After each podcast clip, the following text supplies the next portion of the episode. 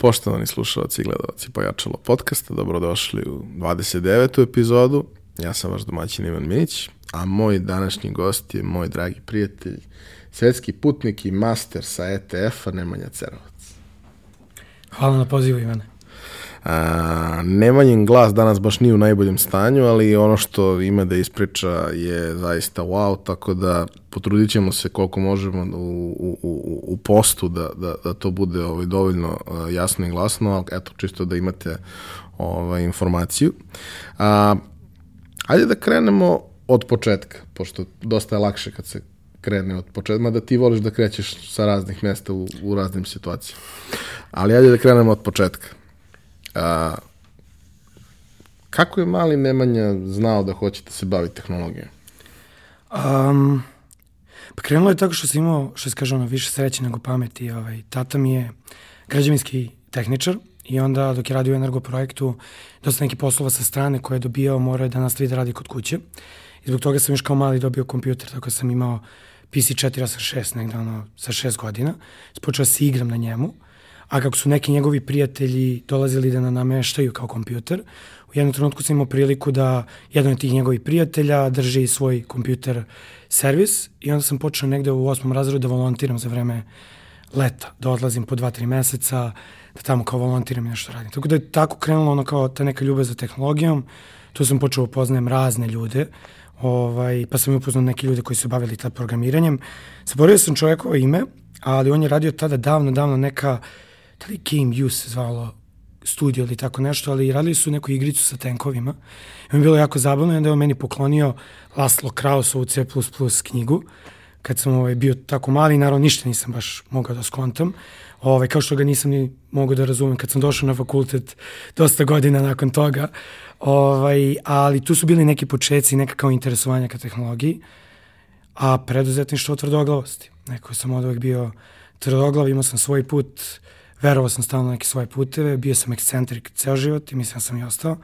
I te stvari kako su se spojile, dobili smo ovo što danas imamo.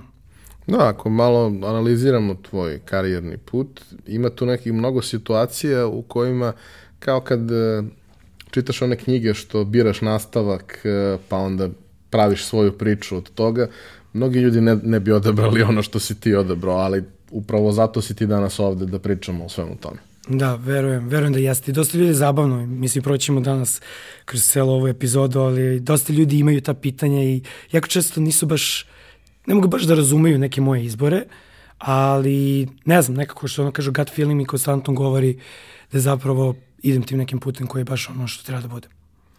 A, završio si ETF, završio si poslednji master na ETF-u, paralelno sa tim si radio, ali ajde da malo pričamo o ETF-u, zato što, jeli, ETF je fakultet koji e, ima besprekornu reputaciju u smislu da niko ništa neće loše reći o kvalitetu toga šta ljudi nauče na, na ETF-u, iako sigurno ima gomila stvari koje možda nisu baš neophodne i nisu baš up to date.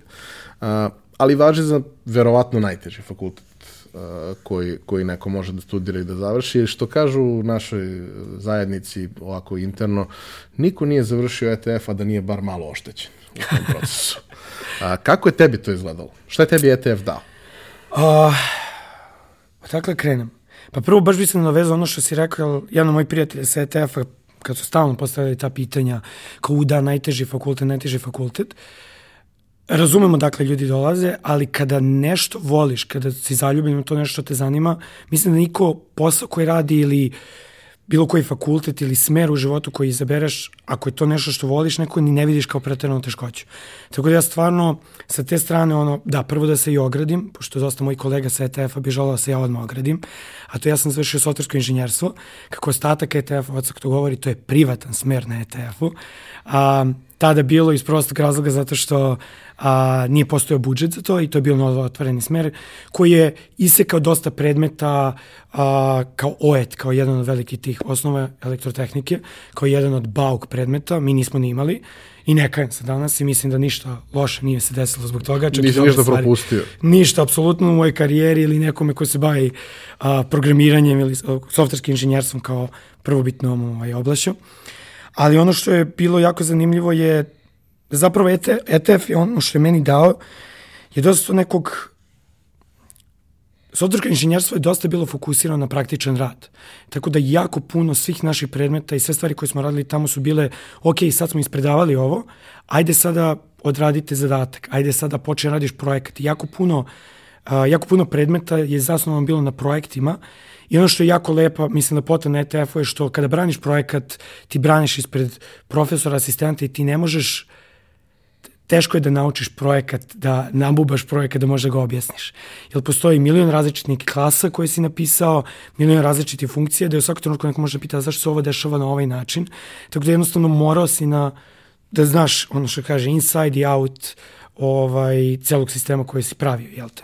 Tako da dosta toga što mi znala i praktičnog znanja, I ono što mi je isto dao ETF, pošto si rekao jednu stvar da ljudi nikad neće kazati ništa negativno, evo ja da pokušam malo da ovaj, odradim to, ono što mi je dao ETF je motivaciju da pola fakulteta završim na YouTube-u, tako da zapravo ovaj, jedna nažalost stvar koja je tu od uvek bila je da pola mojih slajdova su bili sa naznakom četiri godine ranije ovaj, nego što je bila godina u kojoj sam ja ovaj, slušao taj predmet, tako da dosta često neke stvari, a pogotovo u programiranju, ovaj, jako brzo se menjaju i zbog toga sam na dosta nekih predmeta bio primoran da zapravo na YouTube završavam Stanford Programming 101, Algorithm and Structures, data structures i ostale različite predmete koji su bili. Tako da je to bilo ono dosta jedna zabavno ovaj, iskustvo da miksujem završetak fakulteta, pola zapravo u zgradi fakulteta, a pola na YouTube-u preko Yale-a, Stanforda, Cambridgea i ostalih fakulteta.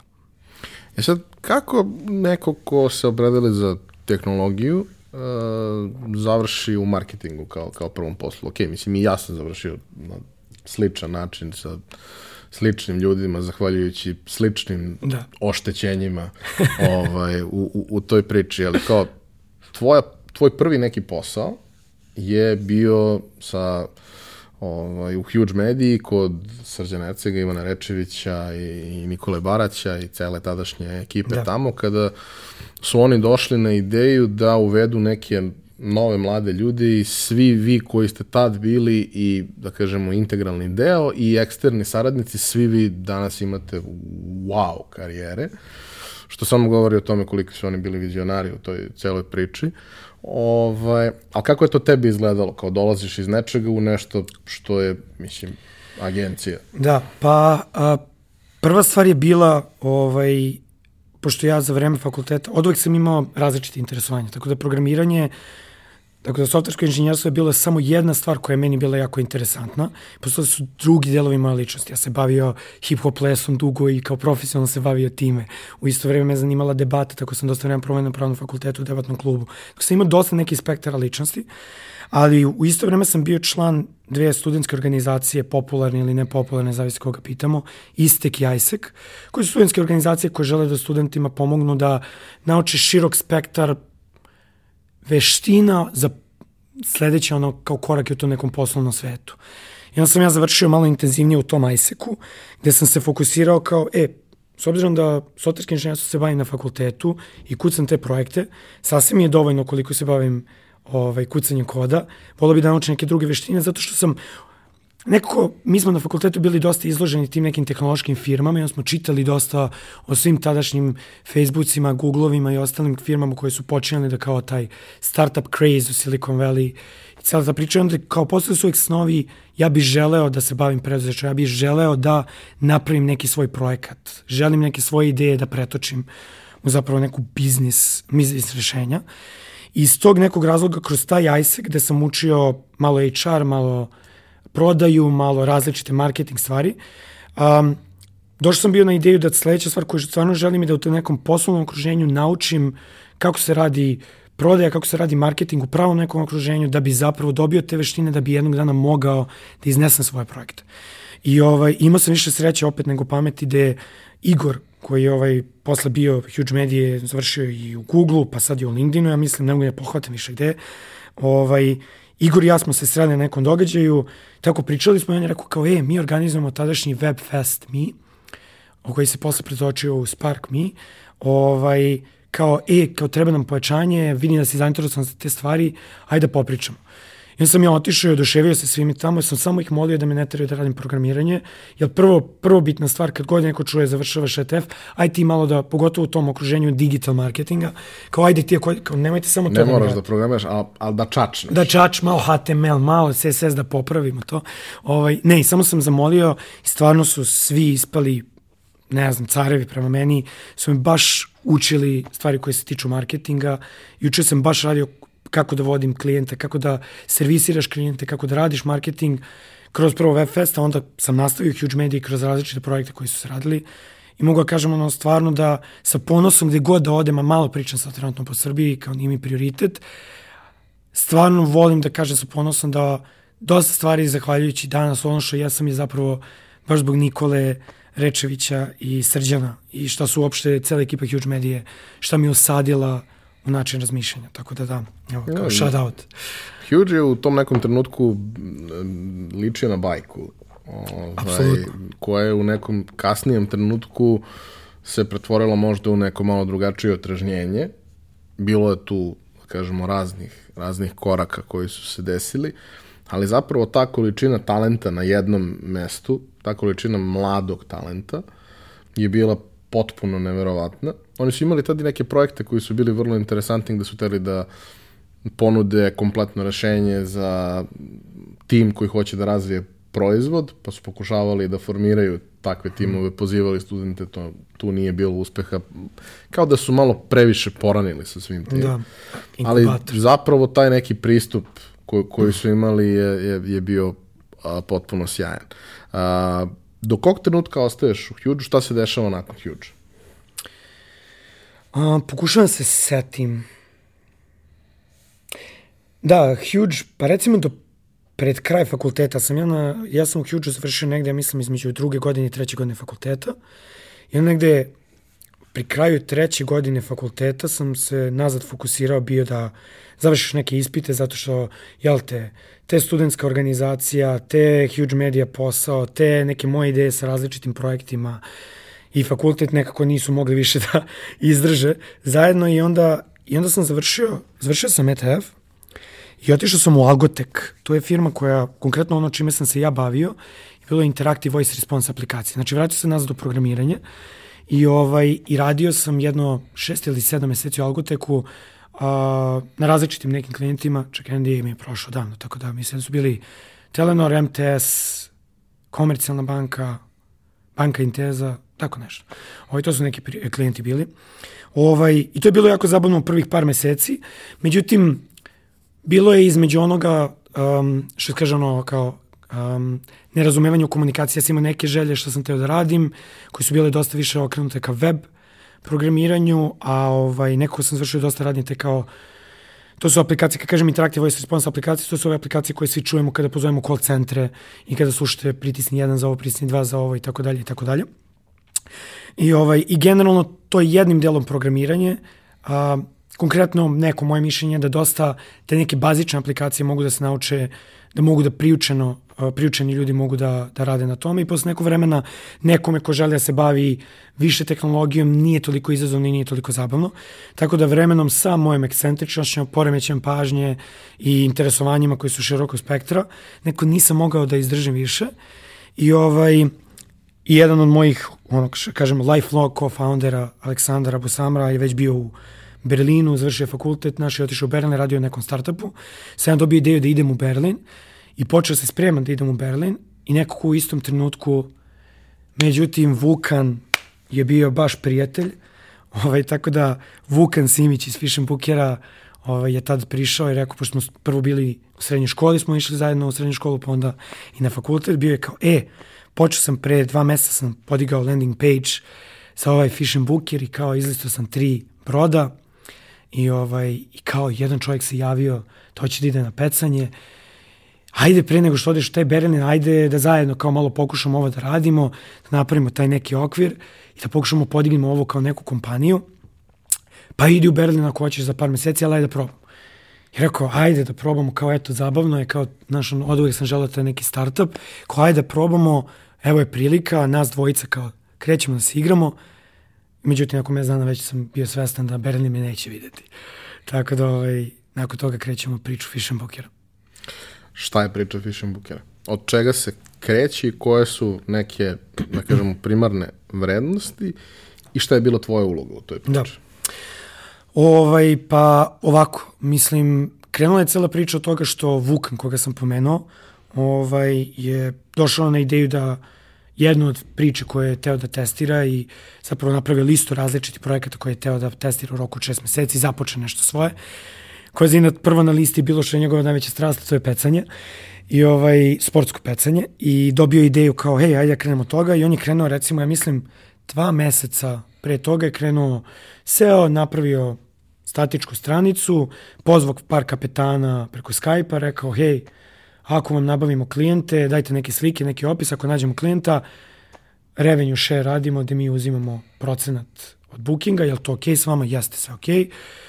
Vukan postavio to i bio u stilu, treba sam nekim dalje ovo da razvijem. I pošto sam ja od uvek bio glasan, ne toliko kao danas, ali bio sam glasan, ove, radio različite stvari, bio uključen Poznamo dosta ljudi, zanimalo mi to preduzetništvo, on bio kao, e, hajde da se priključiš, hajde da podižemo ovo, kažem ti, imao sam prvi booking, očigledno postoji nešto o ovome, hajde probamo nekoliko meseci, pa vidi dalje, jel sam mu ja govorio, je taj Berlin, to mi je bitno, ali ajde da probamo zajedno, ajde probamo. I generalno sedeli smo tad u U Business centru, imali smo mali, ovaj, malo sokači, imali smo malu kancelaricu za četvoro ljudi. Um, I ništa, krenuli smo odatle, moj primarni zadatak je bio nešto i, mislim, kao što možeš da zamisliš u bilo kom početku projekta, ono, imaš ideju, ajde da kodiramo i onda je bilo, hajde malo kodiramo, hajde malo spremamo Google Ads, hajde malo zovemo kapetane, hajde malo menjamo kako to izgleda na toj stranici, hajde malo rešavamo sa korisnicima problema, hajde malo gledamo analitiku pa napređemo. Tako da je moj neki miks bio aj kažem, prelazio je polako ka tom eko marketingu. Bila je neka ideja da različite stvari oko marketinga postavim i ovaj business development, tako da je to bio neki početak, a stvarno bio hibrid. Malo sam kodirao neke stvari, malo sam se setapovao oko marketinga i onda smo krenuli dalje.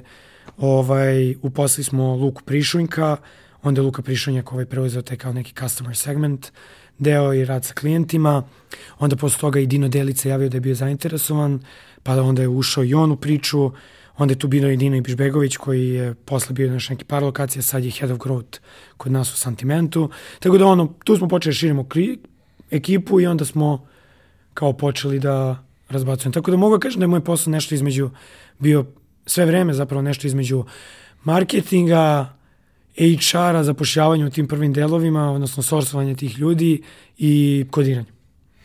I e, Vukan će u nekom trenutku biti gost ovde i pričat će celu priču Fishing Bookera, Divno. ali uh, mislim da bi bilo jako dobro da pokušamo da objasnimo uh, kako je to funkcionisalo, odnosno št, uh, prosto ulaziš u nešto gde informacije ne postoje, ne postoji nikakav sličan servis i ti treba da nađeš sve te neke čudne ljude širom sveta koji baš nisu navikli da komuniciraju na način na koji ti želiš da oni komuniciraju sa tobom, treba da ih izlistaš, onda treba da nađeš opet neke druge čudne ljude kojima treba nešto tako.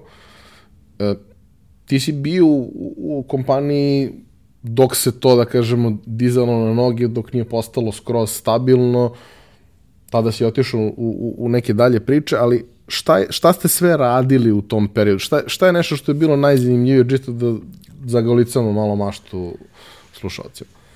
A, pa bilo je dosta, mislim, prva stvar koju ono smo trebali da razbijemo u svojoj glavi je zapravo baš ovaj deo koji si ti rekao, zvati različite ljude sa različiti dijela planete, pogotovo i ovde, zato što servis je globalan servis od starta, imao ideju da bude, nije bila ideja, e, ajde samo radimo Floridu, ili ajde samo radimo Mauricius ili Maldive, nego je bila ideja, hajde gledamo statistički sezonalnosti i gde je pecanje dobro, hajde gledamo u kom vremenskom periodu je pecanje dobro na tom mestu, hajde da pokušamo da zovemo tri meseca ranije kapetane, da izlistamo nekoliko brodova i da krenemo da radimo marketing. Tako da, jako je bilo zabavno u tom početku um, ta, ono kažem, trauma otprilike uplatiti Skype kredit, zvati različite kapetane koji ovaj, su po celom svetu, prosečno, prosečno kapetani ovaj, s kojima sam bar do tada razgovarao su bili između 50 i 65 godina.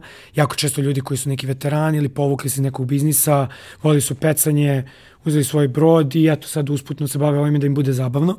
Tako bilo jako zanimljivo ljudima kojima stvarno mislim da, da, da je premalo kada opisujem da sajtovi, sajtovi kapetana po svetu ne izgledaju kao 90. nego možda nešto i pre toga. Ovaj, da stvarno ljudima koji su baš iz analogne industrije, koji nemaju interesovanja ka tehnologiji, ti pokušaš da priključiš, da priključiš to da neki momci sa jakim akcentom koji njih podsjeća na Rusiju, zovu sada sa drugog dela zemlje, zem, zemaljske kugle, da im opišu da treba da se izlistaju na nekom sajtu. I onda je bilo jako zanimljivo ti delovi ono kao, da li ste vi prevara ili niste prevara, zašto bi ja to uradio, kakve pare hoćete od mene, nema tu para, kako nema, ne treba platim ništa, vi hoćete da mi izlistate. To, to su bili zanimljive stvari, eh, zanimljivi delovi sa tog segmenta.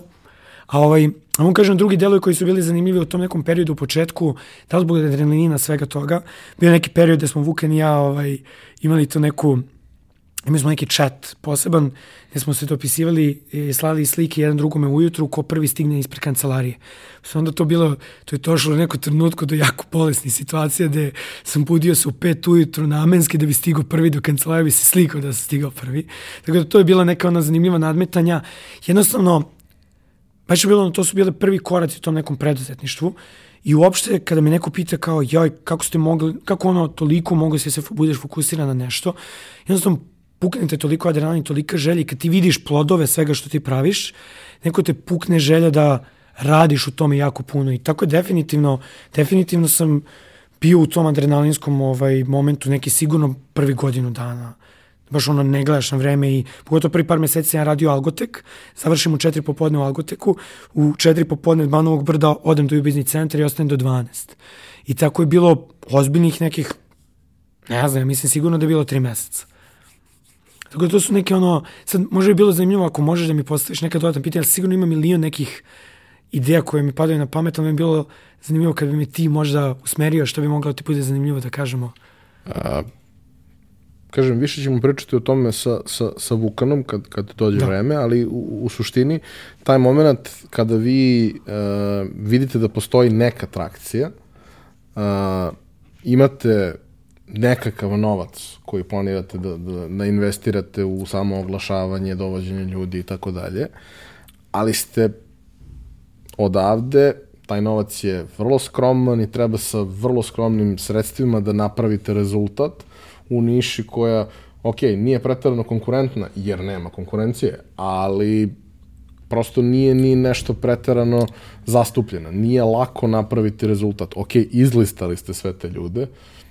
Kako su došli oni koji hoće da idu da pecaju? Mm -hmm. um, što se tiče toga, um, uzeli smo i izlistali smo različite kanale, marketing kanale, i, ovaj, i namerno biram reći zato što znam da ćeš imati njega kao gosta, pa neću sve da spojlujem, ali ono što je bilo najbitnije, našli smo taj kanal koji je bio advertising, koji je bio konkretno Google advertising, našli smo da taj kanal donosi vrednost, da ono što uložimo u taj kanal, da taj kanal pravi neki output u smislu da ROI je bio dobar. Znači jednostavno količina novca koju smo uložili je počelo da prikazuje da pravi veći novac nego što uložimo na početku.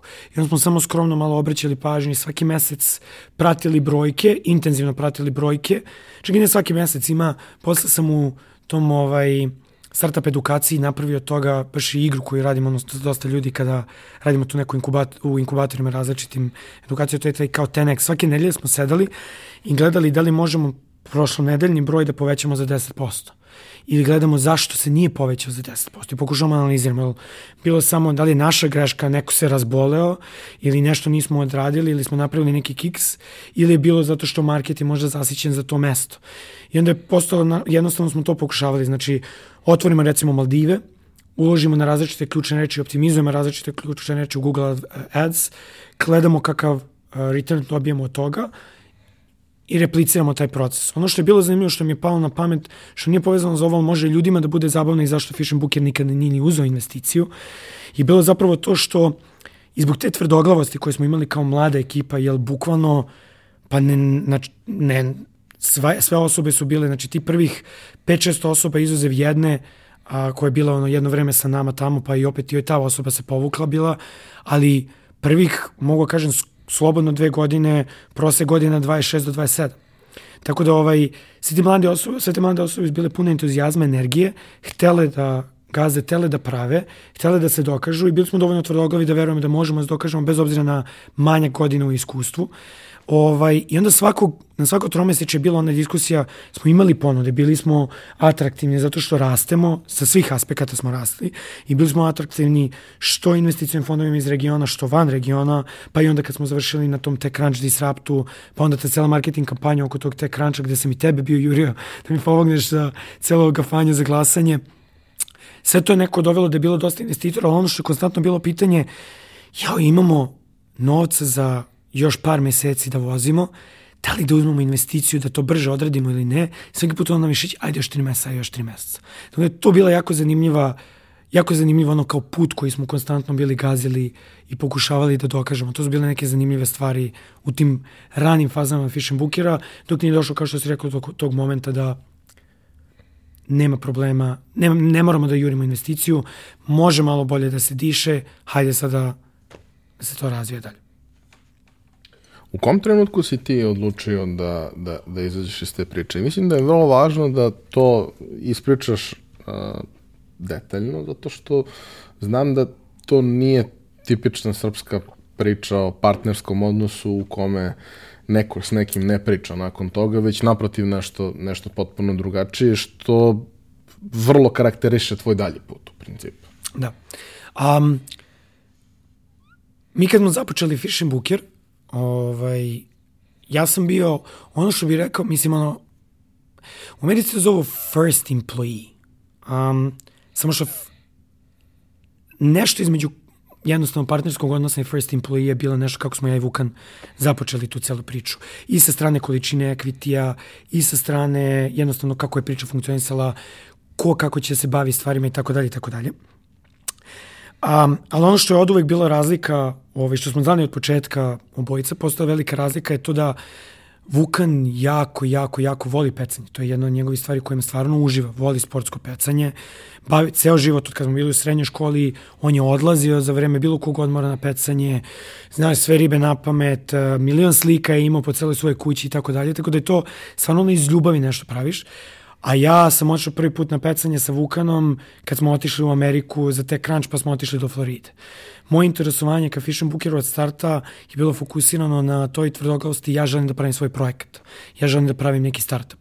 I je bila savršena prilika da je jedan od mojih najboljih prijatelja me zove da zajedno pokušamo da podignemo nešto I kao zašto ne? Jednostavno pokazalo se da možemo da probamo, probali smo, pokazalo se da i tekako ima potencijala i to mi je dalo priliku da razvijam sebe u tom pogledu i da dam sebi još malo samopoznanje, jel tvrdoglavost je jedna stvar, lako imati tvrdoglavost, ali kada ti počneš da praviš nešto i vidiš da to se razvija, malo dobiješ i samopoznanje vere da nije samo tvoja ideja i tvoja tvrdoglavost uključena, nego da ima možda nečega u tvom razmišljanju i kako ti gledaš na stvari, kako ti razvijaš stvari. Um, ja sam se povukao iz Fish Bookera negde, ja mislim, dve, prilike dve i nešto godine da je prošlo ili tako nešto. Um, razlog povlačenja je jako jednostavan, ali jako je šokantan očigledno ljudima. Mislim i razumem, nije, nije, nije samo kao to u Srbiji šokantno. Generalno, kad pogledamo bilo koja partnerska razilaženja u nečemu što je dobro i što raste, najčešće tu ima nekog ozbiljnog kleša, neke drame uključene u celu priču. Um, naprotiv, jednostavno zadnjih nekih šest meseci mog bivstvovanja, aktivnog bivstvovanja u Fish Bookeru, jednostavno kompanija je dolazila na to da postaje stabilna, u smislu sad samo treba da se razvijaju fokusirano različiti spektri tog biznisa. A, novac više nije toliki problem i dalje to nije kao je, možemo lagano razvijemo ili može malo da se diše, sad samo treba fokusirano praviti stvari. A ja jednostavno zbog mog neinteresovanja pretredno ka pecanju, sam počeo da primećujem da postajem loš za kompaniju, da postajem slabije motivisan da razvijam taj biznis, da počnemo da ja i Vukan imamo klašava u tome gde želimo da ide dalje naše karijerno razvijenje i uopšte gde želimo da idemo dalje. Vukanov fokus do tada i sada, mislim da je i relativno skoro u netokraciji baš tamo intervju da jednostavno fokus je bio da želi da pravi biznis koji je njegov lifelong biznis. Biznis koji raste, koji je zdrav biznis, koji je 100% vlasništvo ljudi koji su ga započinjali i da jednostavno na taj način razvija dalje. Dok je za mene Fishing Booker bio jedna od stvari kao prekretnica u životu, gde ja lično ne bi imao nikakav problem sa time da Fishing Booker nije više vlasništvo ljudi koji su ga započinjali. I ovaj, I vremenom kada sam shvatao da jednostavno moja karijera, ja sam imao želju i san, hajde da dođemo do tog nekog San Francisco da vidim kako izgleda to tamo, hajde da dođem do Engleske, hajde da se pomerim malo van Srbije, da osetim kako izgleda razvoj, profesionalni razvoj tvoj kada si na nekim različitim mestima. I doveo do toga da jednostavno vremenom sam ja shvatao da kompanija koje imam deo te kompanije, koje želim da raste, zašto volim sve te ljude koje to prave, zato što je prelepa priča, zato što je jedna jako divna priča koja pokazuje u samoj Srbiji ljudima da, mo, znaš, ono, da se izvojimo iz tvog sivila, joj ne, ajmo kukanje, joj gde ćeš ti, da vidiš da možeš jednostavno da sediš, radiš i da zapravo nešto razviješ. Zapravo je došlo do toga kao, e, ja ne doprinosim više na taj način, bukvalno razgovor je treba 15 minuta, bez preterivanja. Ja i Vuka smo već par puta diskutovali o tim temama, to nije bila nova tema nama, jer smo, kažemo, ono, mi vikendima smo provali kao drugari, družili se, na radnim danima radili, ovaj, i došlo do toga jednostavno, hej, mislim da ja više ne doprinosim Fish Booker na način koji mogu da doprinesem, mislim da je to loše za kompaniju, mislim da je loše za ljude oko toga, mislim da je vrijeme da se ja povučem. Skroz ok, razumem te, hajde da to uradimo kao tranziciju za celu ekipu i za sve ljude, da to nema neke drame, jer bio je to vreme kada je dosta ono, i to je jako bitan shift kazati, jer u to vreme se desio taj shift između ljudi koji su bili u tom haotičnom delu Fish Bookera do nekog druge, ajde da kažem sledeće uh, staze Fish Bookera, gde par ti ljudi odlučilo da isto u tom nekom vremenskom periodu ovaj, se povlači. Tako da je bilo još nekoliko ljudi koji su pre toga odlučili da započu karijeru negde drugde. Bilo je nekih ljudi koji su razmišljali o tome. Jednostavno, moj cilj je tad bio da prenesem ljudima energiju. Ljudi stvarno, cela priča, nema nikakve drame, nema nikakve problema. Jednostavno, ja smatram da je ovako najbolje. Celu kompaniju Vukan smatra da je tako najbolje. Hajmo dalje.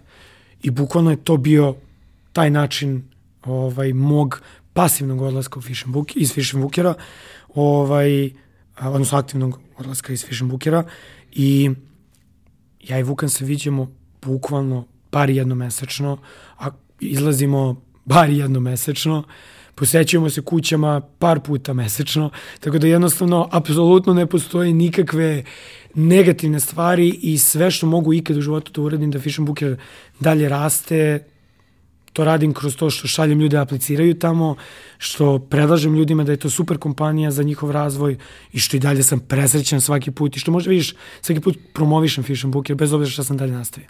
Tako da eto, to ti je neki detaljan način mog razmišljanja. Možda možda mi postaviš dodatne pitanja, ali detaljan način razmišljanja kako je došlo do toga da sam se ja povukao iz Fish and Bookera 2016. ja mislim. Ti si se povukao iz rada, ali si ostao u vlasništvu. Jednim delom, da. Da, vlasništvu. A, šta se dešava nakon tog koraka u, u, u tvom životu? Dakle, zašao si iz neke priče koja je došla do neke poluzrele faze, neke stabilne Tako. faze.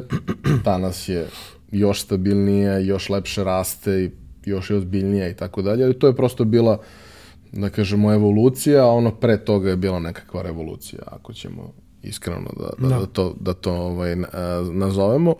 A, šta se dešava u, u tvom životu? Imaš tu želju da odeš u San Francisco, imaš tu želju da odeš u Berlin, imaš tu želju da prosto sebe testiraš na, na takvim nekim da. tržištima, da. sa takvim nekim igračima i šta si radio konkretno po tom pitanju? Um, pa prva stvar, isto što ono, ono što je bilo najteže u tom periodu je kada sam se povukao isto ovo što vam sad pričamo i mi, to je tek tada bilo dosta ljudi ono veliki znak pitanja zašto izlaziš jako zdrave priče. I prvih neki par meseci baš sam ono dosta sebe pitao kao šta, šta ti zapravo želiš dalje da radiš? Ok, ti si želeo dalje da nešto podižala, zapravo zbog čega? Šta, šta želiš dalje jednostavno sa svojom nekom karijerom i gde želiš dalje da se krećeš? I ono što se prvo prikazalo je da u tom nekom periodu um, Salim Virani, uh, moj kolega ovaj, nakon toga, a zapravo tada osoba koja se bavila edukacijom, to nekom mentorskom mentorstvom i edukacijom kroz celu Evropu, ako ne i šire, u tom nekim ranim fazama startup ekosistema, kroz tog pravljenja tog lean campa i ceo taj lean movement kad se desio.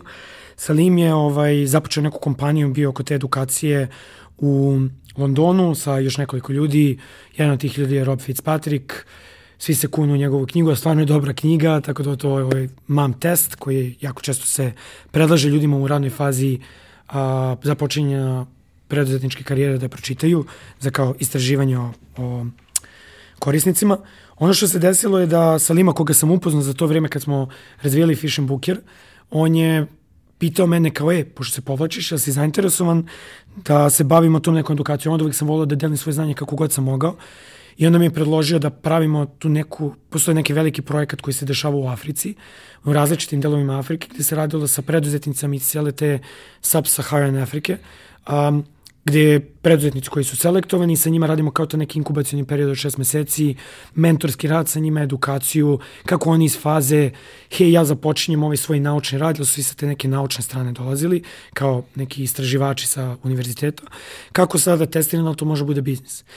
I onda u tom nekom periodu tih, tada je baš bilo intenzivno sledeći dve godine, sam ja jako puno leteo, najviše po Africi, zapadnoj Evropi, Engleskoj, Nemačkoj. Da sam radio kroz različite te neke inkubatore, šta god sam mogao oko mog nekog znanja da delim sa njima u tim kao ranim fazama um, startupa. I u isto vreme sam počeo sa još par, par drugara da podižem taj, ajde da kažemo, trenutno funkcioniše kao curated website za dobre barove, galerije, kafiće i sve uh, otvorene prostore i otvorene koncepte gde može čovjek da sedne sa laptopom i radi, poznati ljudima kao laptop friendly. Ovaj, tako da sam pokušao sa ti par prijatelja da napravimo toga, jer sam ja volao da s, sa svojim laptopom i rancem sednem negde na planeti i radim. Ovaj, tako da smo pravili tu neku listu, pokušali da napravimo biznis od toga. Ono što smo uspeli da napravimo je website koji raste, koji sad postoji u 40 i nešto zemalja, koji ima oko 4500 korisnika na, godišnje, na mesečnom nivou. Ono što nismo uspeli da nađemo je još neki a, revenue stream za njega i ostavili smo jednostavno da postoji. A, najveći razlog je zato što jednostavno pokazuje konstantan rast, tako da dok nemamo neke energije da se ponovo fokusiramo na to, koja polako dolazi, baš smo imali sesiju sa Vukanom diskusije što bi mogli da testiramo, što su bile neke dobre ideje sad za pranču nedelju. Ovaj, jednostavno smo ostavili da taj sajt postoji sa strane dok ne budemo napravili neki biznis model od njega. I nakon toga, ovaj, u nekom trenutku, opet moj prijatelj a, iz neki dana osnovne škole, Nikola Tašević, koji je dečko završio matematičku gimnaziju, nakon toga otišao na MIT, nakon toga radio u Room, uh, Room 77, koji je bio startup, koji je bio Hotel Search, kupljen od strane Google-a, pa je prešao radi kao Google zaposleni. Nakon toga daje otkaz u Google i započinje taj RevDash. RevDash je platforma koja se bavi intervjuisanjem, davanje platforme, besplatno intervjuisanje inženjera iz Amerike a, na njihovo znanje o različitim delovima a, inženjerskog znanja, gde sa druge strane budu intervjuisanje od strane pro, senior inženjera koji sa njima radi 45 minuta intervju u situaciji da to, to prođe ok. Postoji neki drugi deo od platforme gde se radi matchmaking sa različitim kompanijama. Ja sam konkretno tamo imao ulogu uh, VP Business Development, bio sam zadužen za Business Development kao četvrta osoba u kompaniji, koju smo podizali i na kraju je to završeno tako što je postalo deo Facebook Jobsa i RevDash je akvajerovan od strane Facebooka. Ja sam se tada povukao iz Kalifornije a, u tom periodu i ništa sad trenutno fokus 24 sata je a, na engleskom Chief Product Officer, na srpskom osoba koja se bavi razvojem proizvoda i raz, rasta uopšte kompanije koja se zove Sentiment, koja je najpopularnija i najbrže da približim ljudima, je u finansijskoj industriji, u digitalnim asetima, kripto, a, kripto digitalnim asetima, Bloomberg, Bloomberg u tom svetu. A, kada kažeš, ok, Rev, Rev Dash ima svoju priču, ima apsolutno svoje mesto na tržištu i to je upravo nešto što zato se izdesilo, sve što se desilo sa njim i upravo je to ovaj, trik, jeli, nezavisno evaluirati i onda naći adekvatan prostor za, za, za visoko kvalitetnu osobu ovaj, u tehnološkoj industriji. A, kako izgleda dakle, kroz, kroz tu priču si ti otišao u San Francisco. Tako je. A, I nakon nekog vremena si pobegao iz San Francisco. Tako je. Kao neko ko nikad nije živeo tamo, ali je bio ovaj, jedno Godinu. kratko vreme kod, kod, kod prijatelja, mogu da razumem zašto si pobegao. A, ali mi ti kaže tvojim rečima zašto. Ok. Um, ja sam probao nekih godinu i nešto dana u Kaliforniji. Konkretno većinu vremena sam živeo u Mountain View, koji je opet odvojeno, to je um, nekih Caltrainom uh, 45 minuta, odnosno vozom 45 minuta udaljeno od San Francisco. Um, I sad, ceo, ceo sklop cele, cele te priče hoću da se ogradim je da ovo da ne mislim da je Kalifornija loše mesto za život, mislim da je dobro mesto za život u zavisnosti šta osoba traži u kom je delu svog života. U delu mog života gde sam ja bio tamo, to je, došao sam u Mountain View, bio sam, živim tamo, radimo, ja i Nikola smo a, živeli u istom prostoru gde smo imali dve spavaće sobe, dnevna soba je bila zapravo kancelarija gde su stali ljudi dolazili, a, otprilike ono Silicon Valley epizoda klasična.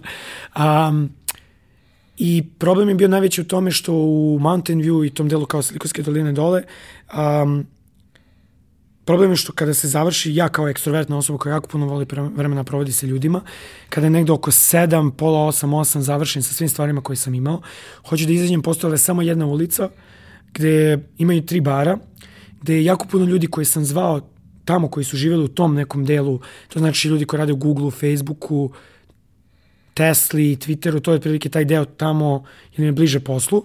Uvek su bili, uvek su imali situaciju, pošto nema ja zovem izgovor, svako bira sam kako želi da živi, ali imali su to, te reči koje su bile, jao, evo sad idem da istreniram ili hoću malo da se odmorim, pa ću pogledati nešto na Netflixu, nakon toga idem na spavan, sutra moram da ustajem rano, imam neke deadline i tako dalje i tako dalje. I na prilike se moj život pretvorio da ja sedim sam sa sobom uh, od ponedjeljka do petka, gde u petak trčim u, u San Francisco, gde sam imao par prijatelja kod kojih sam spavao, između ostalogi Nebojša, koji je bio kod tebe u epizodi, ovaj, i još par nekih prijatelja, te ja u petak odem tamo, izlazim sa njima, družim se jako intenzivno do nedelja i onda nedelju nazad i nekako mnogo je intenzivan taj život. Kao I obrnut život studenta iz provincije. obrnut život studenta iz provincije, savršeno se pisao. E, bukvalno je to bila neka situacija gde vremenom nekako, ne, ne znam, nisam mogao u tom trenutku života da se pronađem, jer mi je trebalo dosta, mislim da je do, dosta i povezano sa time što sam ja impulsna osoba, um, od onih ljudi sam koji, mislim, možda si primetio par puta kad si slušao, ali dosta pričam o tome otvoreno da jednostavno sve vreme na vreme imam problem sa nekim, kako oni kažu, anxiety ili tim nekim izazovima kao gde pokušavam da se borim sa time šta ja želim tačno da uradim, da li želim da živim na ovakav život, gde gde je taj, tu privatan život u celoj priči ili ne. I onda je ta bila konstantna borba u San Francisku, jer je bar meni i mom okruženju taj privatan život stavljen na neko treće, četvrto, peto mesto u odnosu na posao i razvoj karijere, što je možda i okej, okay, jer niko tamo ti nije promovisao kada si dolazio da ti ideš tamo da razvijaš svoj privatan život. I mnogo lakše ljudima koji možda imaju porodicu ili imaju vezu pa se ono, zajedno žive pa provode vreme zajedno, ali osobi koja tada ono, ima 28 godina, koja je single, provodi vreme sam tamo, jednostavno to je bio mnogo veliki pritisak, te u nekom trenutku sam ja prešao u taj modus, um, super mi je da dolazim u San Francisco dva meseca godišnje i to planiram da radim, ovaj, ali osim toga trenutno u životu nemam plan da živim tamo, rado ću dolaziti, rado mislim da želim da ostanem u kontaktu sa svim ljudima i sa dešavanjima, ali nemam želju trenutno da živim. Možda se promeni u budućnosti, u nekim drugim okolnostima, ali sad je to situacija bila.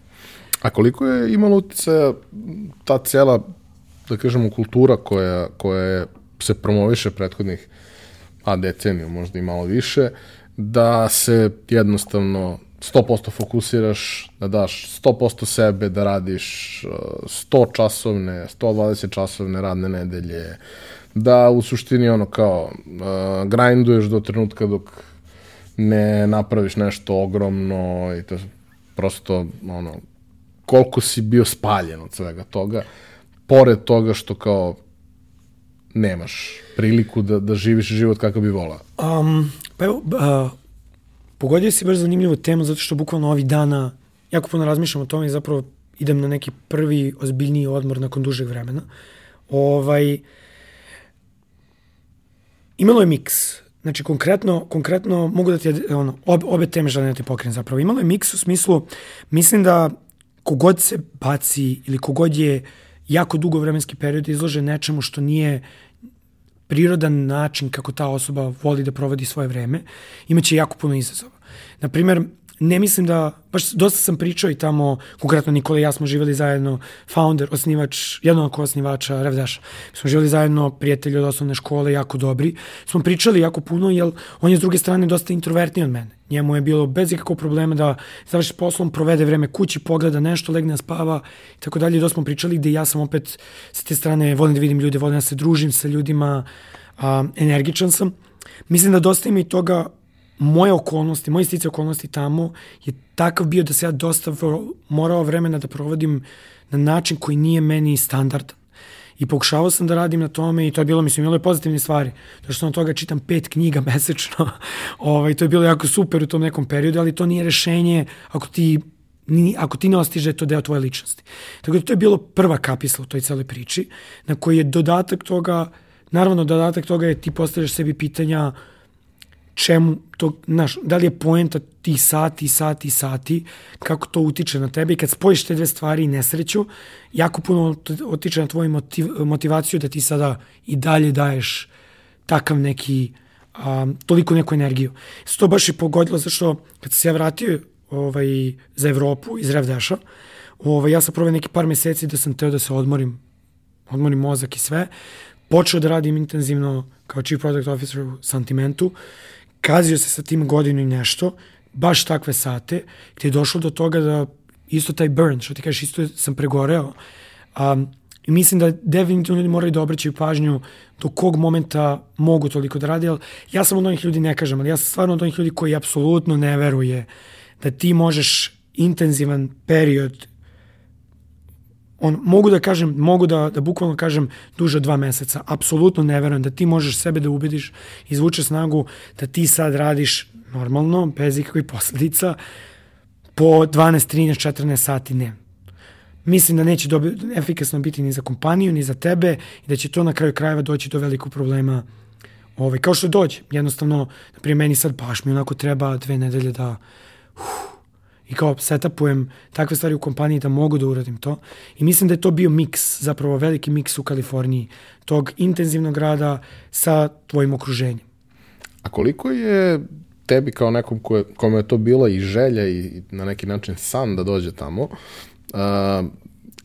kako je bilo u odnosu na tvoje očekivanja to kada dobiješ priliku da sedneš sa nekim prilično ozbiljnim kompanijama? Kako to izgleda uopšte? Mislim, e, pa zapravo, Pa zapravo mislim da ima, imaju dva aspekta toga. Prvi aspekt je kad god u životu sam imao, znači od huge medije, kao što si me pitao, nisam imao pojma ništa o marketingu, do dan danas, kad god imam, a stalno učim nove stvari, apsolutno i dan danas učim nove stvari, uzmem i pročitam o tome. Vidim koje su prve tačke toga nečega kako se radi, napravim sebi scenariju kako to nešto da uradim, pokušam, vidim šta mogu da unapredim u tom procesu i radim to ponovo. I jednostavno stvarno mislim da je to na, na kraju način ključ, ključ uspeha u tom nekom profesionalnom napretku, da kao, ok, jeste rizik, jeste da imaš taj strah, ali prevagni tu onu prvu rečenicu, jednostavno stisni zube i probaj da, probaj zapravo na neki način da, da, da, da prevagneš to i da pokušaš da um, pokušaj da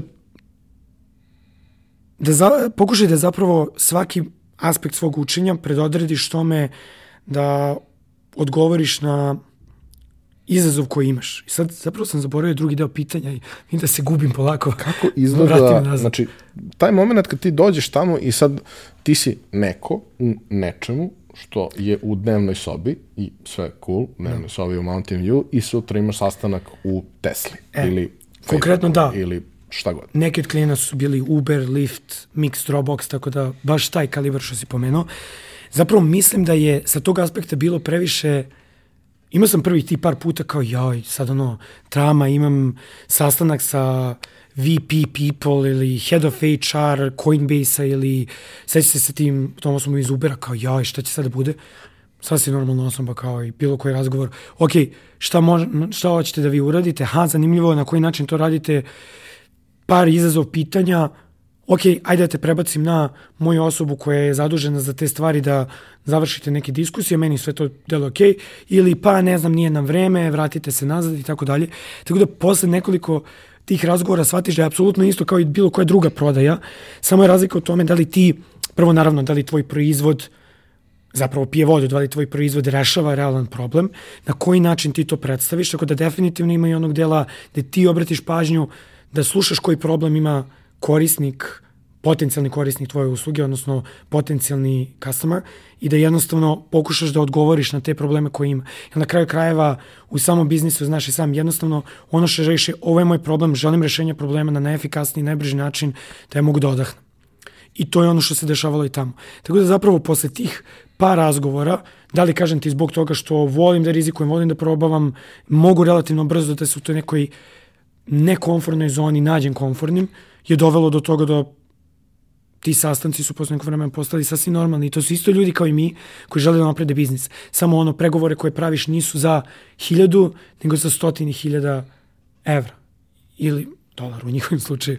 I kao jednostavno tako izgleda uopšte celokupno poslovanje tamo. Jedino ono što mi je bilo jako prijatno iznenađenje i nije mučenje, da ne moram fizički da odem negde, da se pojavim, efikasnost je najbitnija bila stvar tamo i mislim da zato su dosta ispred evropskog načina poslovanja. Efikasnost, ovaj, hajmo sastanak, 15 minuta razgovora, ok, to su pitanja, ok, zanimljivo, pošaljite mi ove stvari, dobro, ok, povezujem s ovom osobom, ta osoba je tri pitanja, walkthrough kroz aplikaciju, sve super, povezujem sa financijerima da završe plaćanja, hajde, to je to, idemo onboarding, ćao, nema, nema neke, kada odluči neko da koristi tvoju uslugu, rešava se u roku od par dana. To je bilo to bar moje iskustvo, opet kažem. A, kada si prešao, odnosno kada si se vratio ovaj, iz Amerike, kada si odlučio na naredni korak, otišao si u taj Berlin koji si toliko pominjao par godina ranije. Ipak, je, ipak si dočekao da odeš u taj Berlin.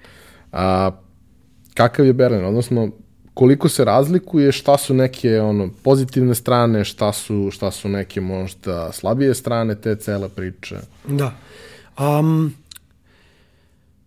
pa što se tiče, mislim, Nemačke, zato što nama je, uh, nama je uh, glavni ofis što se tiče Nemačka u Frankfurtu, ali dosta vremena provodimo u Berlinu zbog samog inženjerskog dela. Um, Berlin je za mene na kraju bio previše umetnički grad. Baš je um, dosta za moj neki ukus je ovaj, okrenuto nekoj urbanoj umetnosti koja je ponekada preveliki intenzitet za mene. Jako puno ljudi je voli, ali meni je neko previše abstraktno, previše do neke stvari u abstrakciju. Mnogo je lepo otići u cirkus, ali nije toliko zanimljivo živeti u cirkusu. A, pa da, neki ljudi će da, ovaj, jel imaš komentare od, od odobrene na... Imam. E, da, onda, ako bi se složio sa tima, slažem se za mene lično. Neki ljudi će da kažu dosta negativne stvari za nas, ali bože moj, jednostavno za mene Berlin je dosta previše umetnički za moj ukus. Lep mi je da se pojavim kao što kažeš tamo. Ono što imam veliko, veliko poštovanje prema Berlinu je trenutno u toj decentralizaciji, u blockchainu, tehnološkom delu blockchaina, ne postoji mesto u Evropi koje ima bolje razvijeni inženjerski community ja, ali to, to je ono razvijenost između, ne znam, gde je San Francisco i gde je neko mesto u Evropi, ne znam, gde je San Francisco po razvijenosti startup ekosistema i ne znam, recimo Paris, na primjer.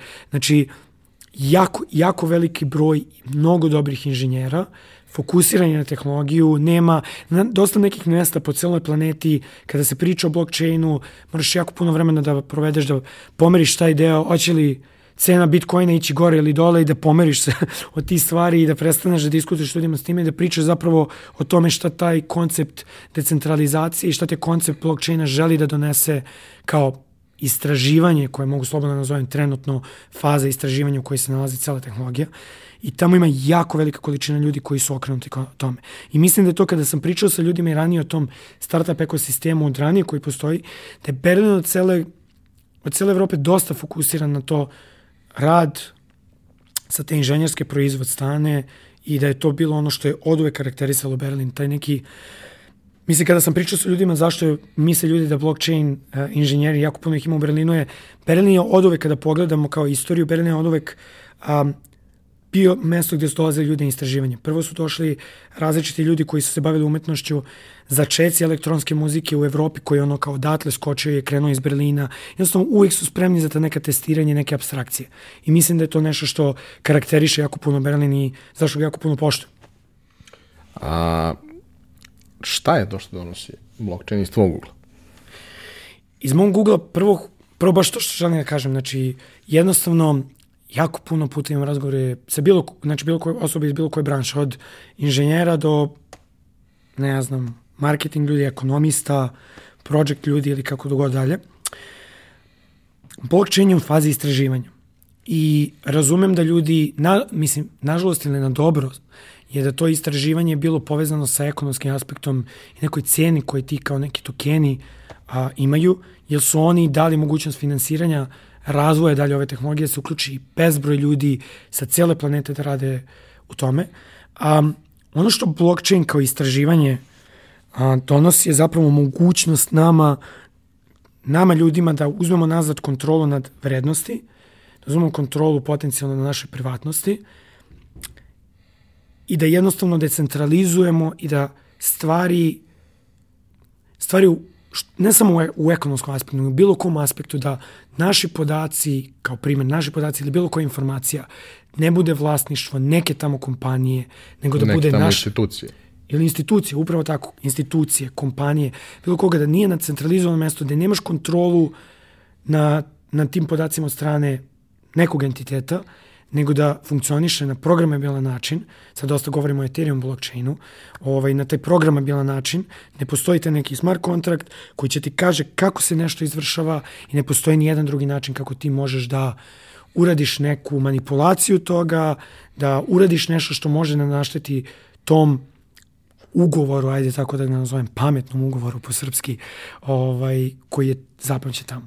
I mislim da to je jedna jako lepa stvar iz prostog razloga što sve više i više vidimo razvoje različitih ajde da kažemo monopola ili sve više i više vidimo razvoj da samo mali broj kompanija ili mali broj institucija kontroliše abnormalnu količinu svega, toka novca, informacije, pa i do naših života. Moment kada su Facebook i Google, po meni bar, ove građani stoje moje miše, moment kad su Facebook i Google počeli da unapređuju algoritam ili unapređuju način šta mi vidimo, je moment kada su oni odavno postali ne samo neki network, ne neki social media ili ne neki samo pretraživač, nego su počeli da utiču na nas, naše razmišljanje i uopšte u pravcu u kome ćemo mi da formiramo neke ideje i formiramo neka odgovore. Na neki način postali su veliki brat. Po mom mišljenju da.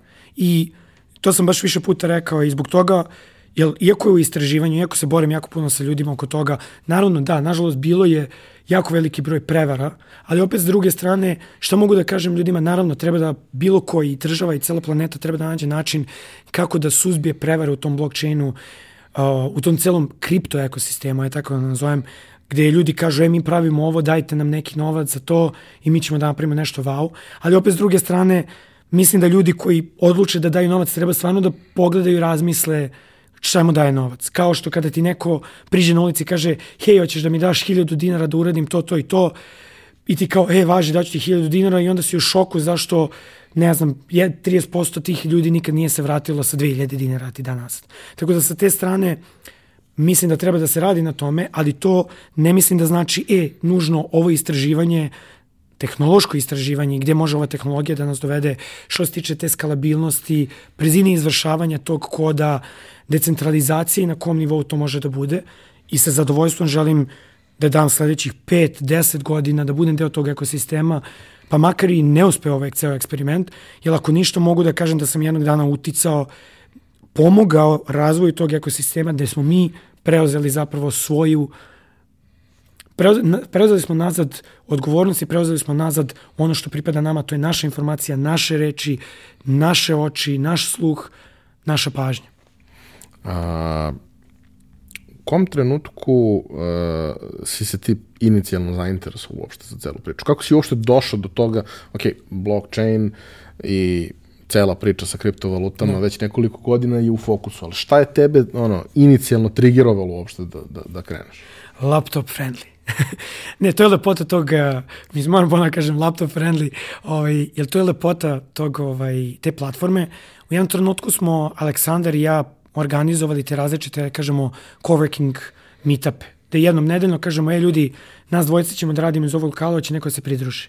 Jednom trenutku se pridružio jedan moj prijatelj ovaj, koji ima razvojni, da tako nazovem, razvojni centar za Ethereum blockchain ovde u Beogradu, Andrej Čvoro, gde upoznali smo se tu, on je tada malo istraživo oko toga, radio i dalje u nekoj drugoj kompaniji, ovaj, gde je on tako počeo nama pričati tamo, e pa da, evo gledam oko tog blockchaina, počeo ove stvari da me inspiriše, kao što sam ja sad počeo da tebi govorim zašto je blockchain potencijalno super za nas kao ljudsku rasu. Ovaj, on je tako meni to počeo da priča i onda mi je dao par nekih i white papera, popularnije ono, koncepata šta blockchain, white paper je kao koncept neki koji kao ti različiti blockchainovi ovaj predstavljaju, koji govore šta će njihov projekat da radi. On mi je dao da pogledam par tih, objasnio mi šta konceptualno žele to da radi i onda sam ja počeo da se interesujem za taj tehnički deo toga. I onda u tom nekom, u tom istom nekom periodu, tu negde kažem 2016. 2017. sam onda motivisan i njime, motivisan još jednim prijateljem koji je počeo da se bavi ekonomskim aspektom ovaj, a, kripto a, digitalnih aseta i kriptovaluta, gde on odlučio da malo istražuje kako radi uopšte to kupovina i prodaja, znači taj neki aspekt. Njih dvojice su imali uticaj da su me kao povukli prvi u taj ceo sistem, pa sam onda upoznao neke ljude po, po Beogradu koji su se bavili popularnije po, nazvano rudarenje, koji je treći koncept.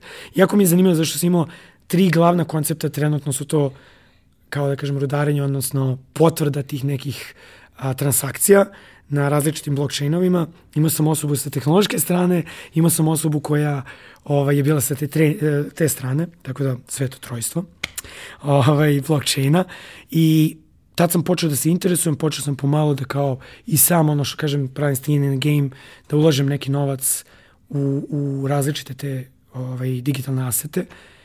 I tu je počeo taj moj put gde sam onda upoznao različite ljude, različite projekte. U tom nekom trenutku sam upoznao Maksima, foundera Santimenta, pre nego što je teo da započe Santiment. Pričali, ja mu damo neke moje sugestije kako bi ja započeo projekat neki, kako sam ja to do sad radio i tako više sam imao na nekom mesečnom nivou razgovora sa njim. To je bilo bukvalno na početku mog odlaska u San Francisco.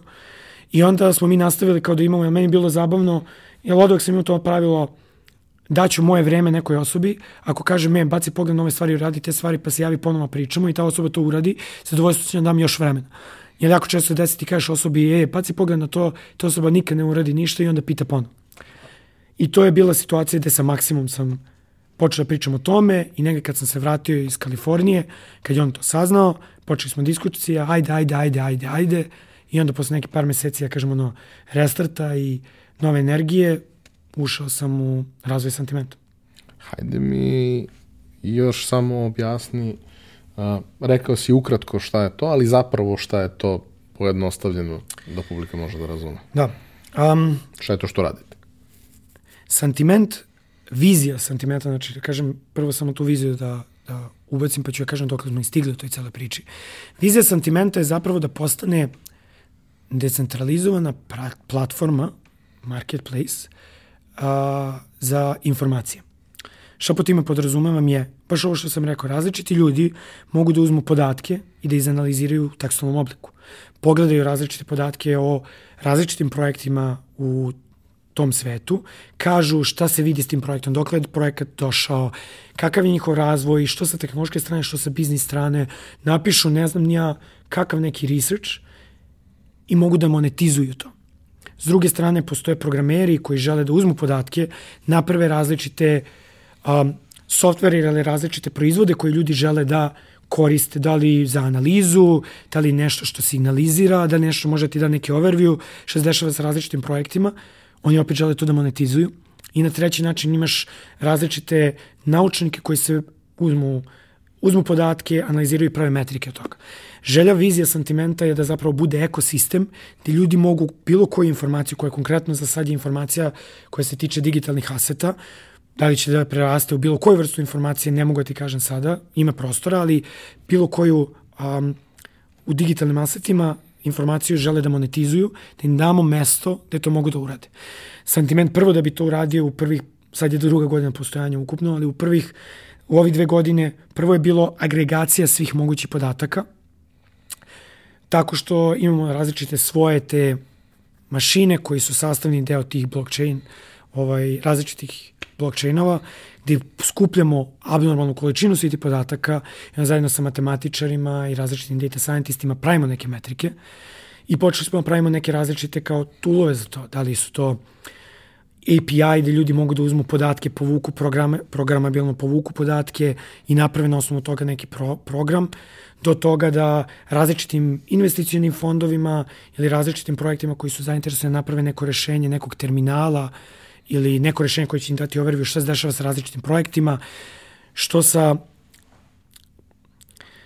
jako je zanimljivo da, da bi ti pogledao sve oko kriptovaluta, ti imaš tri dela. Jedan deo ti je on-chain podaci, podaci koje vidiš na samom blockchainu, svih transakcija, kako se kreću ti tokeni, jer ti tokeni nisu samo tokeni, ono kao ja tebi dam taj token, ti ga potrošiš za nešto da kupiš, nego ti tokeni služe u tom sistemu da bi se nagradili ljudi koji potvrđuju da postoji validnost tog podatka koji je stavljen na blockchain. Jako mi trudim se da biram reči da ne bi ušao u komplikaciju cele teme, ali um, fora je što imaš sve te podatke koje treba da izanaliziraš sa strane kako se pomeraju ti tokeni, šta se dešava sa mrežom. Da li mreža raste ili ne, da li ima novih ljudi koji su uključeni u tu mrežu ili nisu. Da li tokeni idu na exchange-eve ili ne sa exchange-eva, nego idu kod ljudi, da li se koriste za ono što je rekao projekat ili ne i tako dalje. A de onda imaš sa druge strane podatke koji su ti social podaci, šta ljudi pričaju o tome, agregacija, šta se priča na Redditu, na Slacku, na Discordu, na Facebooku, na Twitteru, na svim tim mogućim mrežama, ti želiš da vidiš sentiment i sentiment podatke, kako se ljudi osjećaju o određenim projektima, o celom maketu, šta se trenutno dešava, gde je hype, gde nije hype, šta je potencijalno samo fake hype i šta je možda laž, da ljudi pokušavaju da naprave novac na brzaka tako što pričaju puno o nekom projektu i tako dalje. I onda treći aspekt toga ti je da neko uzme i da objasni sve to što vidi. Sve ovo što sam ti pričao, super što ti vidiš sve te silne podatke, neko treba da uzme kao analitičar i izanalizira. E to je ono što imamo, taj ceo krug koji mi razvijamo kao projekat u svojim spektru tih toolova. Najbliže rečeno, Bloomberg, decentralizovani Bloomberg a, za podatke u digitalnim asetima. I rekao si da nemaš problem sa tim da posvetiš još neko vreme toj tehnologiji, da, je to, da si našao nešto što ćeš, čemu ćeš se dovoljno dugo posvetiti. Isto tako si rekao da ti treba odmor. Da. A, kako planiraš, a, nedavno si napunio 30 godina, da.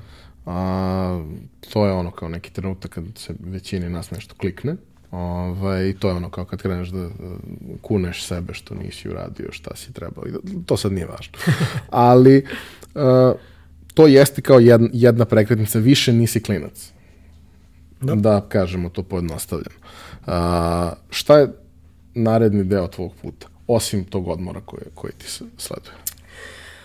Pa, rekao sam ti, rekao sam ti u jednom trenutku razgovora da ne verujem u ne verujem u taj pristup lično, da sediš, radiš po 15 sati dnevno ili 14 sati dnevno i tako će sad ti godinu i nešto dana da radiš i to je super za, za kompaniju. Pogotovo sad u nekom trenutku gde je sentiment broj 32 ili troje ljudi i imamo otvorenih pozicija za još 7 ili 8 ljudi. Ovaj, u trenutku kada ti na toj nekoj strateškoj, na strateškom mestu u kompaniji, um, da bi ti imao energije, volje, kreativnog aspekta, da možeš da sagledaš sve što se dešava i da pomogneš ljudima koji su tvom timu, neki tvoj management deo, a, mid management kompanije i ljudi koji su a, ispod njih u njihovim timovima, da bi njima dao sve, sve što treba da oni svoje bitke vode, ti treba da si u svojoj glavi stabilan i ti treba da u svojoj glavi imaš dovoljno energije. Ono što mislim da je neodgovorno sa moje strane bilo i drago mi je da sam počeo da shvatam to je da treba da uzimaš vreme da se resetuješ, treba da uzimaš vreme da malo obratiš pažnju na svoj privatan život, jer ako nisi dobar za sebe, neće biti dobar ni za drugi. I to konstantno možemo da vidimo ne, i u privatnom i u poslovnom životu. I ono što je neka sad prekretnica za mene i ono što, na šta jako, jako puno ovaj, sam sad počeo da provodim vremena je zapravo to da postoje momenti kada meni su isključene notifikacije za sve poslovne a, aplikacije na mobilnom telefonu u potpunosti. Moram da uđem da bi pogledao to. Razlog je zašto želim da posle 6, 7, 8 uveče, a, u zavisnosti koja je situacija, želim da se posvetim ljudima sa kojima sam tu.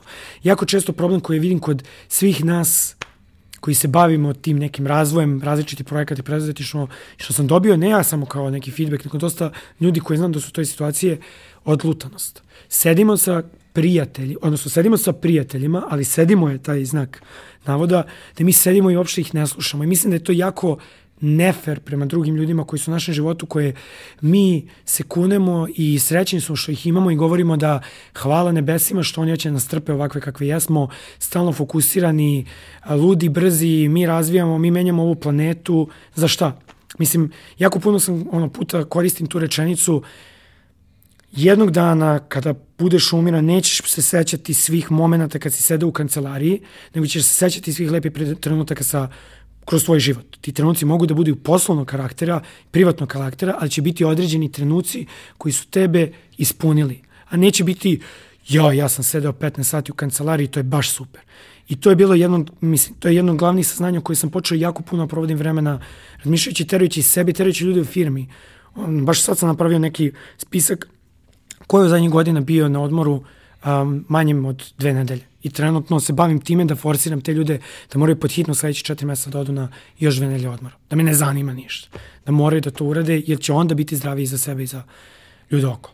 I to je, ako mogu kažem, to je neka kao glavni aspekt sa te strane i sa druge strane, pošto sam jako puno putovao, želim malo da se smirim sa tog aspekta, želim malo da se stacioniram, želim da menjam Srbiju, želim da menjam Balkan, želim malo da radim na tom uh, ne bih rekao mentalitetu, zašto mislim da nema to veze samo na Balkanu, ali želim da radim na tome, ovde je jako teško nešto krenuti, želim da radim na tim mladim ljudima, na, na razvoju svih tih ljudi, na pomoći tim ljudima da započnu, da li od Nikoli Svitfita pa do ostalih ljudi s kojima radim ovako na nekom mentorskom aspektu, ili Bog da zdravlja, da jednog dana presečemo sledeće dve, tri godine stvari koje su se dešavale, mislim sve ove projekte koje radim. I da počnem radim nešto što sam, mislim ti rekao i ono kao stvarno želim da naglasim u ovoj epizodi ono, ono čime se bavi pojačali, ono čime se ti baviš i šta si počeo da razvijaš kroz sve projekte koje si radio zadnjih 5-6 godina koje sam ja ispratio iz prostog razloga što mislim da je samo pokazivanjem pozitivne energije pokazivanjem ljudi koji mogu da rade, koji rade konstantno i bez obzira na to ja i ne, ja sam sa Balkana, uspevaju da prikažu da možeš da napraviš neke lepe stvari. I to je nešto možda koja je prekretnica da bi do 35. ozbiljno treba da se fokusiram. Dakle, hvala ti što sve radiš što radiš. Najiskrenije tvom timu celo. Hvala, hvala, trudimo se.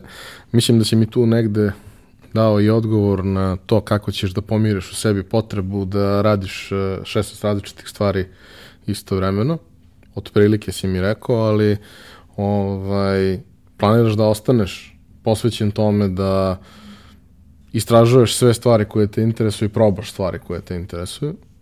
A, pomenuo si i, i, i, i, i projekat s kojim sam upoznat na neki način, jer je momak bio na, na, na svim ovaj, pojačalo druženjima, kao jedan tvoj uh, poduhvat iz ugla mentora je, je to njegova ideja, ali si mu ti dao ovaj, usadio mnogo nekog znanja i vere u to da to može da funkcioniše. A, ok, a, šta ti, čime bi ti zaključio ovaj razgovor? Odnosno, šta bi ti hteo da ako neko zapamti jednu ili dve rečenice iz ovoga, šta to treba da bude? Um, baš ovo što se neko, mislim da nedovoljno na Balkanu da nedovoljno probavamo stvari i da i dalje imamo a, taj neki strah da započnemo, da probamo neki projekat. Nije samo problem straha, najčešće je tu problem tvog okruženja. Ovaj, to mogu, e, daj, daj taj primer. Par puta kada, kad sam tako odlučio zbog i zdravlja i zbog ishrane i zbog nekog vežbanja, kao, e, u ovom periodu neću da pijem alkohol uopšte ta, dolazi do ti mera da moraš da ponekad lažeš ljude da ne, ža, da ne možeš da piješ zbog nečega, samo da bi te ostavili na miru. Ta neka si ajde, ajde, ajde, na suprotno na to kada kreneš neki projekat i gde ćeš ti? Ma daj, sedi, čuti, budi zadovoljan. Dobro ti je tu, tu ti je odlično. Dobro ti je tu, tu ti je odlično, ili ne do Bog, daš otkaz a, na nekom projektu ili na nečemu što si radio da bi pokušao nešto svoje. Ono što bi baš želeo sa te strane, a, šta bi volio da ljudi zapamte, uh, ništa strašno se neće desiti u ovom životu ako probaš, odvojiš neko vreme da zapravo probaš taj neki, tu svoju ideju, da probaš da, znaš, ne moraš da daš otkaz, nije to rešenje, nije rešenje kao ti treba da daš otkaz i tako će krenuti, ne, probavaj na manje načine, probavaj jedno po jedno. Nikola koga si pomenuo sa kim radim, kad sam dotišao u San Francisco, isto je taka bila situacija, on je teo da to započne. Evo ti knjiga, Nikola, pročitaj knjigu, napravi po tom mam testu spisak pitanja koje misliš da treba da postaviš ljudima da su otvorena pitanja, ne daj ne pitanja da bi istražio šta je ljudima problem, idi i prodaj 50 ovsenih obroka ljudima i skupi šta ti ljudi kažu. Ne možeš mi reći da ti treba da otvoriš firmu, zaposliš 15 ljudi, ne znam šta, da bi ti 50 puta prodao čašu ovsenog obroka. Mislim, nemoj da pričamo da se zazamo ovde. I mislim da je sa jako puno stvari ta situacija. I to je ono što mislim da ljudi trebaju da probavaju više. Samo, samo probaj, jednostavno neće se ništa strašno desiti ako probaš projekat. Zapravo imam veće poštovanje od ljudi koji su probali projekat i failovali, nisu radili ništa, probao si, kroz to se pravi najviše učenja. Ja si probao nešto da uradiš, izbacio si tu stigmu, ja, ja ne mogu, ili ja, nešto strašno će se desiti. Ne, neće ništa strašno da se desi, probao si i to ti je prvo učenje. I svi učimo, ne postoji ono ima na ovaj, rečenica kao, ako konstantno radiš nešto dobro, znači da ne radiš dobro. Iz prostog razloga što jednostavno ako ne praviš greške, nećeš naučiti ništa. Greške Naravno, ne treba ići onime, sad pravi greške radi greška, ali svake greške stani, pokušaj da razumeš zašto si napravila, napravila ili napravio grešku i probaj ponovo. I to je ono što bih želao da kažem ljudima. Probavajte više šta god je to. Da prodajete nešto što je na lokalnom karakteru pa do softvera. Ja sam inženjer koji je uzeo, platili smo 20 evra, Skype kredit i zvao kapetana na Floridi sa tadašnjim akcentom koji je bio mnogo lošiji nego danas. I Evo je firma koji svi danas. govore bravo, jaj, blago se njima uspeli. Nije blago, sedi i samo probaj. I nemoj da čekaš. I nemoj da čekaš, upravo tako. Pa hvala ti, Nemanja. Hvala ti, Ivan. Uh, slušalci i gledalci, hvala vam na pažnji, nadam se da vam je bilo interesantno. Ispratite šta mladi gospodin radi. Dobro, nisi više toliko mlad, ali nema veze. Ispratite šta mladi gospodin radi, a nama kao i do sada sve komentare, sugestije, kritike ostavite na za to predviđenim mestima na društvenim mrežama ili nam pišite preko sajta. Bože zdravlje, vidimo se i na druženju na ovaj, u Domu omladine 29. augusta.